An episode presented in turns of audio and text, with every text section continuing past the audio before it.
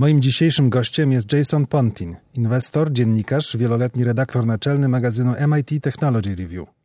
Rozmawiamy m.in. o technologiach przeobrażających biznes.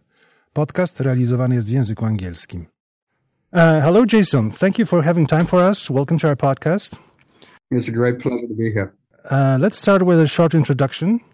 Uh, could you please tell us a bit about your current occupation and the profession path that brought you where you are right now? Sure. I am a senior partner at Flagship Pioneering, which is a life sciences company that creates breakthrough startups in agriculture and in therapeutics. But before that, I was for many years a journalist and a publisher.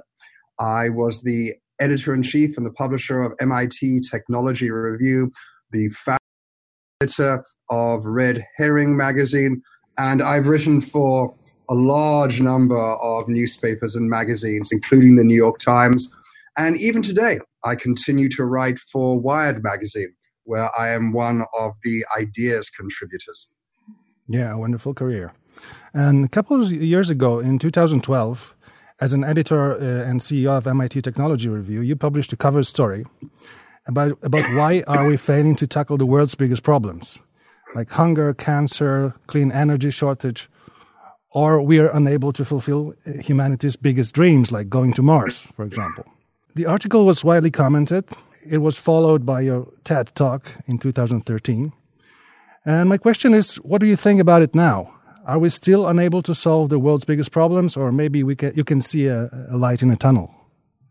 Yeah, it's been six years since I spoke at TED, nearly seven, and I remain more concerned than ever, to be honest. When I look at the civilizational challenges of our time, whether they are climate change or addressing the health needs of a aging population, I think that technology has suggested very few solutions and in some cases is the proximate cause of our problems. And since I gave my TED talk, I have become hyper aware of a new problem, which I can only call the revolt against modernity, which I take to be a kind of populist uprising driven by rapid technological change and growing inequality. And that growing inequality is to a very large degree a product of technology also. So far from thinking that technology is currently solving our problems, I actually think it's created some urgent difficulties that we don't yet have answers for. Mm-hmm. So, uh, what what could be the role of private companies in solving the, those big problems, uh, the, the, the old ones and the new ones? Are there any good business models that allow to contribute to solving the most pressing issues for the world and making money at the same time? Sure. So I am both a optimist and a and a capitalist in the final analysis. And I think large human problems are only solved when uh, everyone collaborates together, whether that is government and academia, but crucially also uh, private enterprise.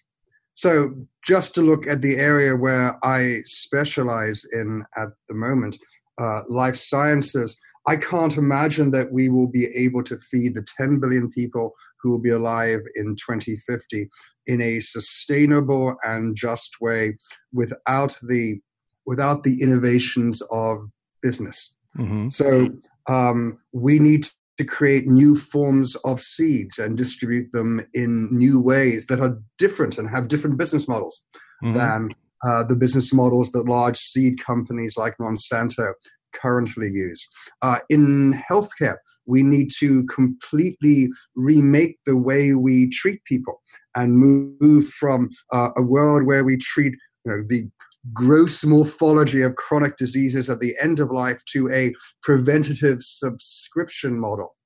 And in business, um, I would like to see artificial intelligence and quantum computing unleash millions of entrepreneurs all over the world, including mm-hmm. parts of the world which have not historically been thought of as entrepreneurial centers.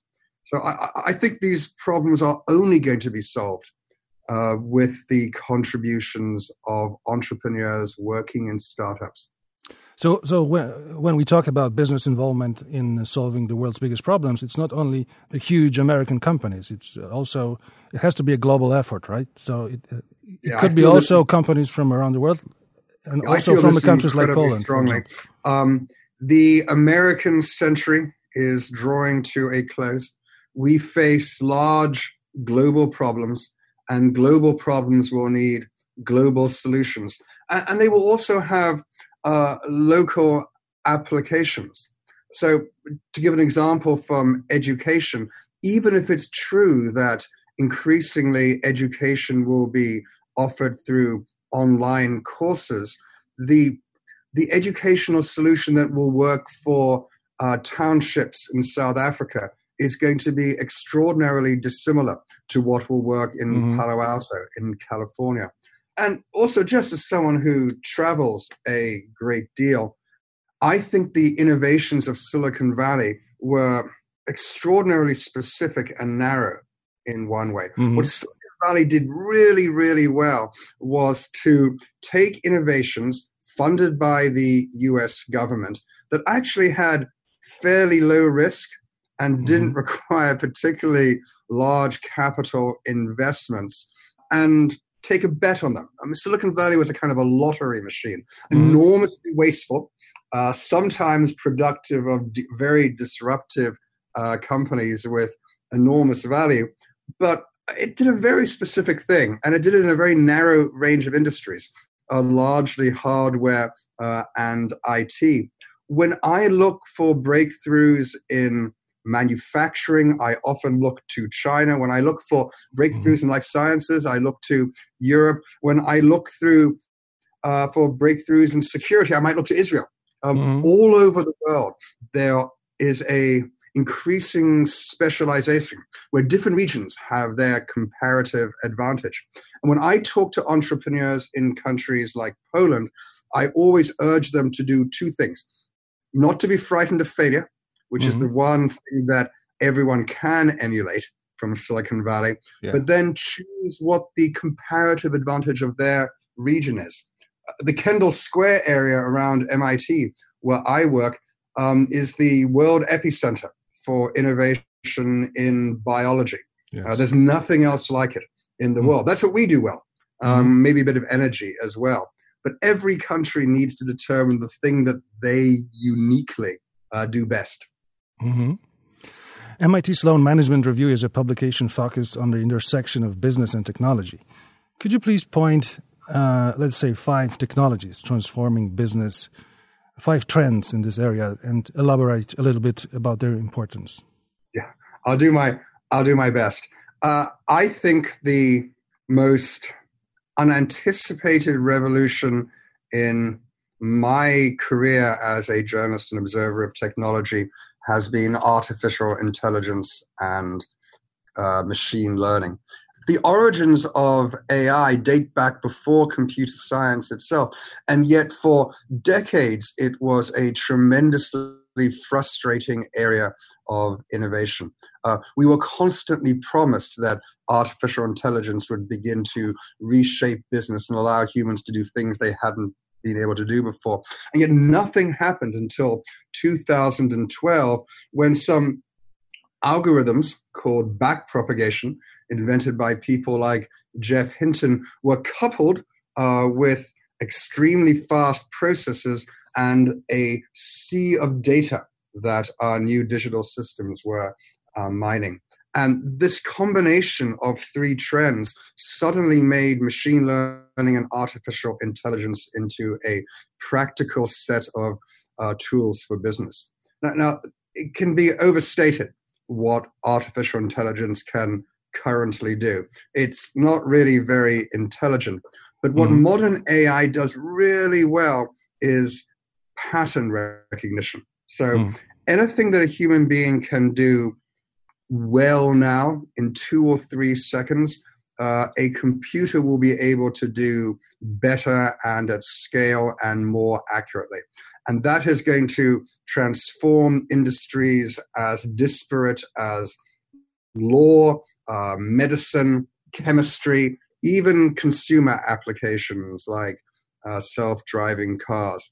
Mm-hmm. And if mm-hmm. you'd asked me a decade ago, would artificial intelligence be a real practical business application? I would have said no.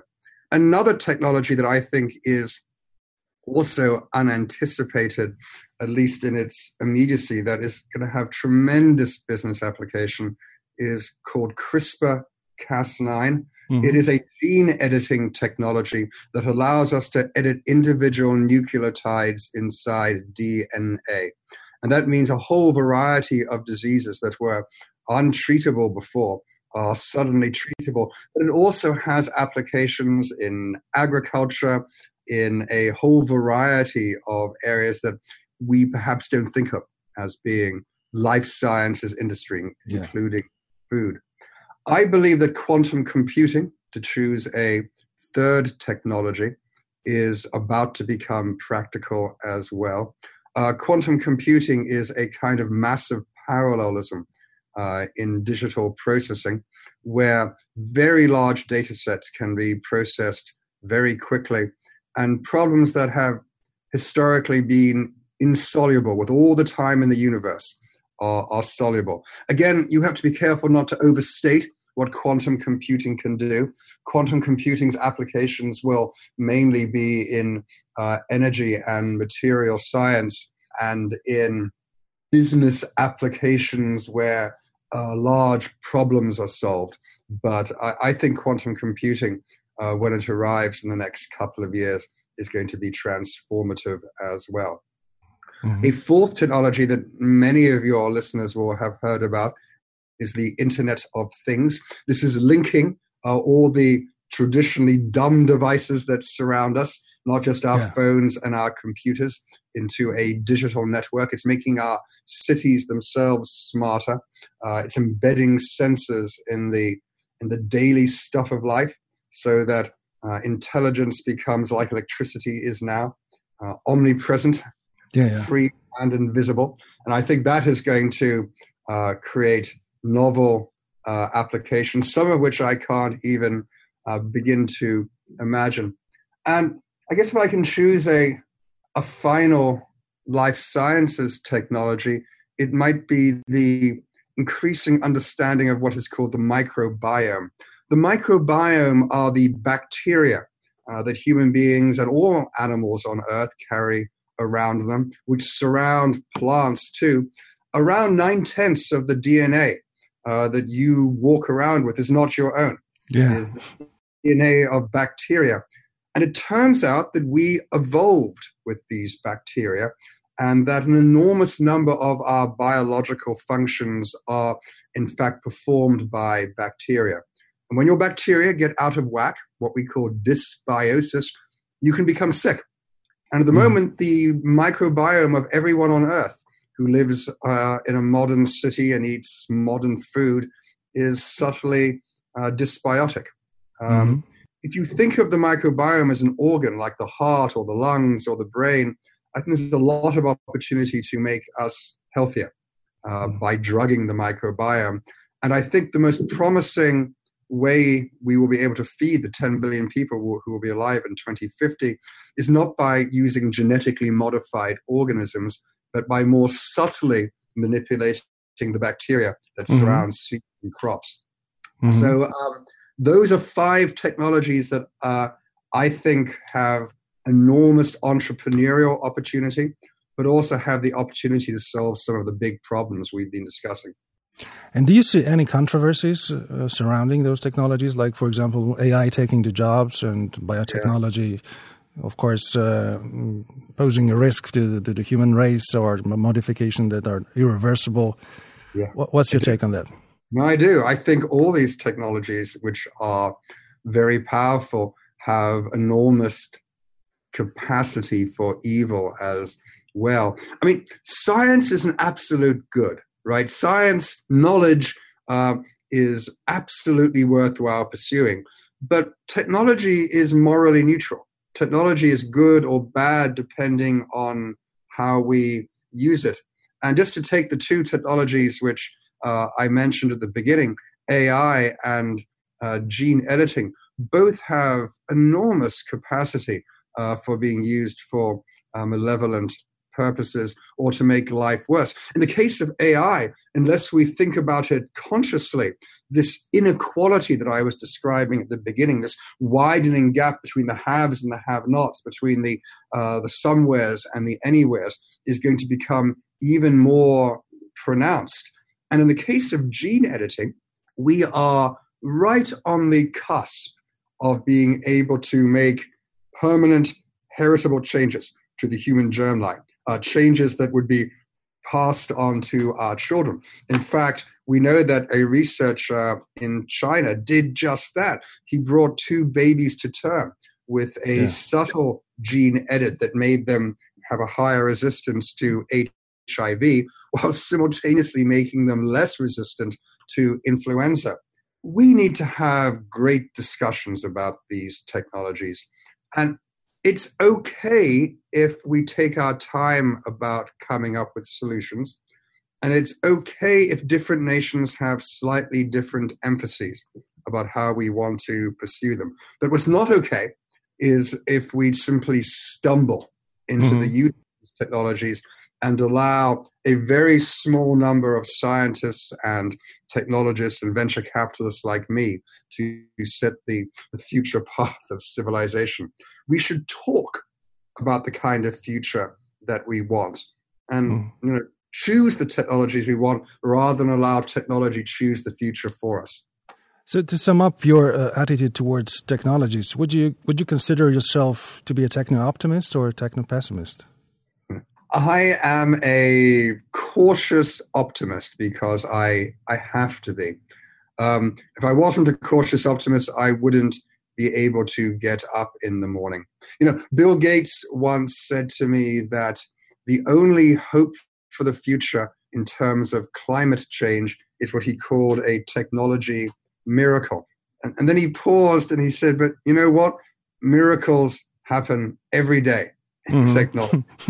in technology, um, Arthur C. Clarke, the science fiction writer, uh, once said that any sufficiently advanced technology is indistinguishable from magic. Magic, yeah.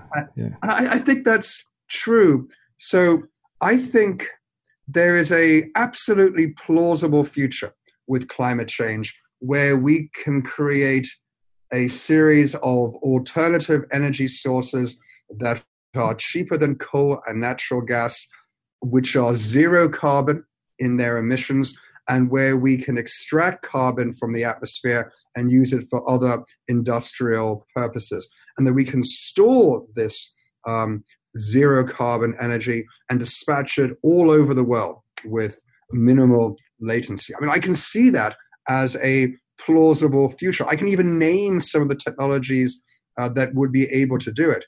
We can't do any of that at the moment. And mm-hmm. they may seem like uh, a miracle in uh, parts of the world like Poland that are still very dependent on dirty coal, or the Ukraine, yeah. which is a massive uh, exporter of natural gas. But we're this close, this mm. close to a alternative energy future. Uh, in aging as a series of problems, at the moment we have very effectively treated all the acute conditions that used to kill people before 50. And mm. so hmm. we've ended up with this uh, population of elderly folks who have this ghostly, semi demented senescence, mm. where they hmm. suffer from 14 or 15 uh, chronic diseases and really have a pretty awful, and for society at large, very expensive old yeah. age. Yeah. It's ghastly in a way. We've created the worst possible old age for mm-hmm. ourselves, where yeah. we're economically non productive, where our brains fail. But I also see that we're right on the cusp of beginning to understand diseases like Alzheimer's mm-hmm. and some of the other dementias, and being able to treat a whole variety of cancers, cardiovascular disease, and diabetes. And in terms of inequality, I look to Africa. If you'd asked me uh, 25 years ago, would Africa continue to be an economic basket case?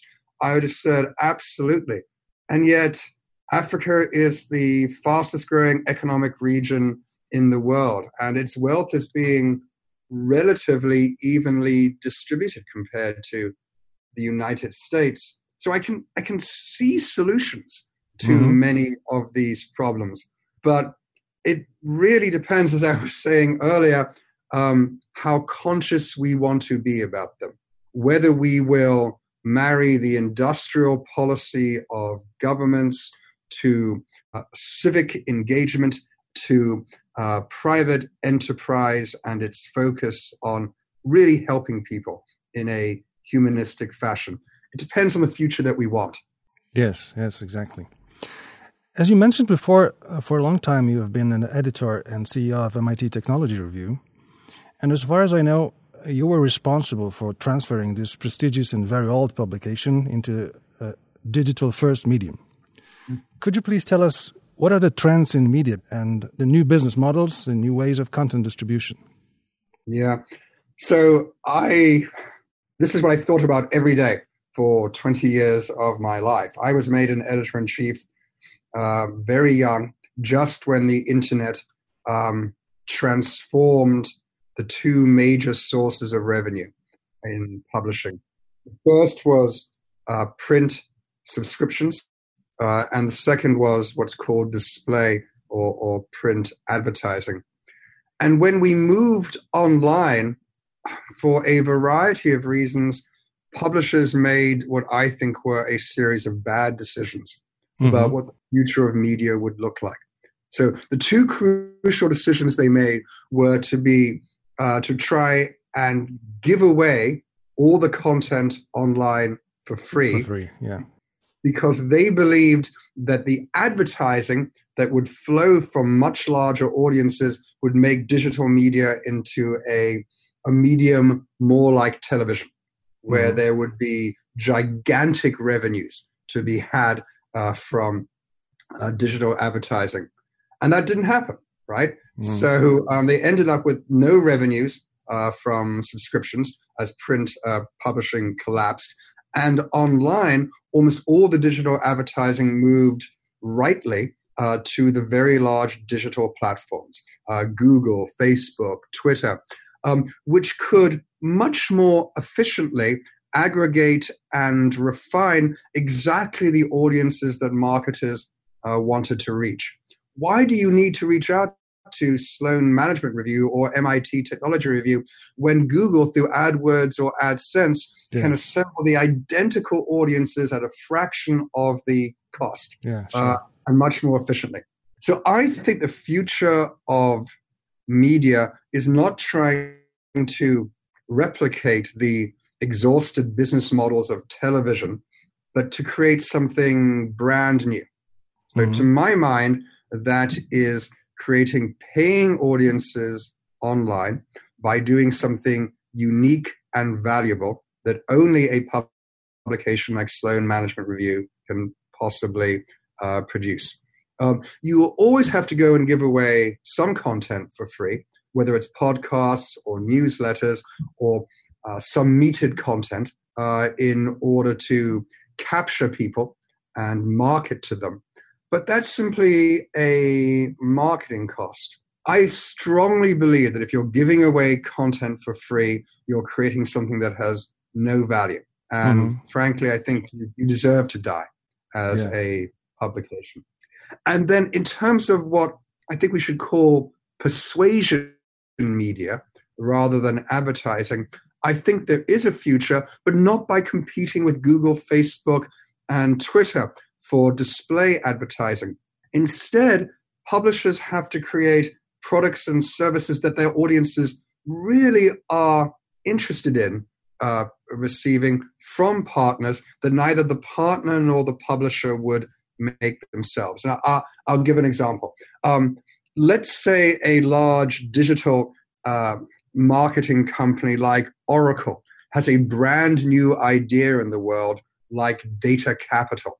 Mm-hmm. It, it, wants to go and make the case that the reason why Uber is worth so much more uh, and has so much more value to consumers than Lyft is because Uber uses its capital more efficiently.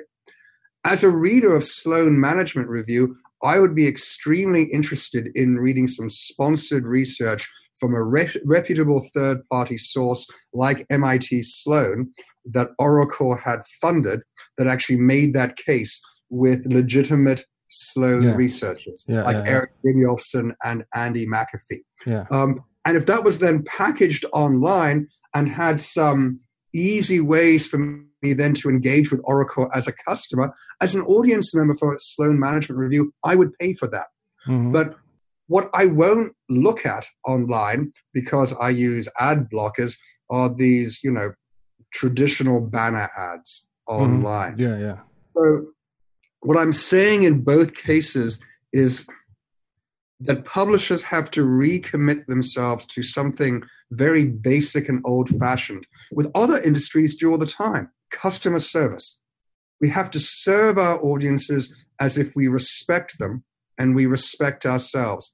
Because for the last 20 years, publishers have essentially not respected themselves and not respected their audiences. They've tried to give away content for free and they've shown their audiences advertising that audiences aren't interested in. And the path forward is to actually be innovative, to do something worthwhile. Yeah.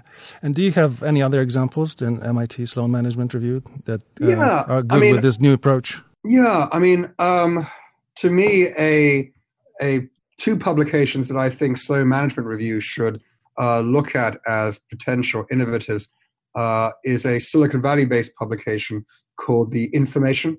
Yeah, that I know them. charges them. Yeah. Right. Yeah, charges around five hundred dollars uh, a year for a subscription. It has a vanishingly small audience, but that audience are all the most important people uh, in Silicon Valley, and they're directly engaging with the content that they find most valuable. Yeah, yeah, uh, yeah. Another publication in life sciences, which was created here in the Boston area, which is really interesting, is called STAT, which was uh, founded by uh, the Henry family, who bought the Globe a few years ago. Its editor in chief is Rick Berke. Uh, STAT has a really interesting uh, business model. It has a consumer uh, section of its site, which is largely free. Mhm. And then it has a very expensive professional services uh, for people like me, Mhm. uh, venture capitalists working in life sciences. And then it has sponsored content of exactly the sort I was talking about. It's not quite advertising the sponsored content. I mean, yes, it comes from uh, large uh, consultancies like McKinsey or BCG yeah, yeah, yeah. um, but it's stuff that I actually need to read uh, that I probably wouldn't read otherwise if Stat didn't put it in front of me and say, "Hey, this is some intelligence that you really need to see." So, I, I to me, those are two really interesting uh, vertical publications that um, a business publication like Sloan Management Review couldn't could do worse than to look at as as innovators. Okay.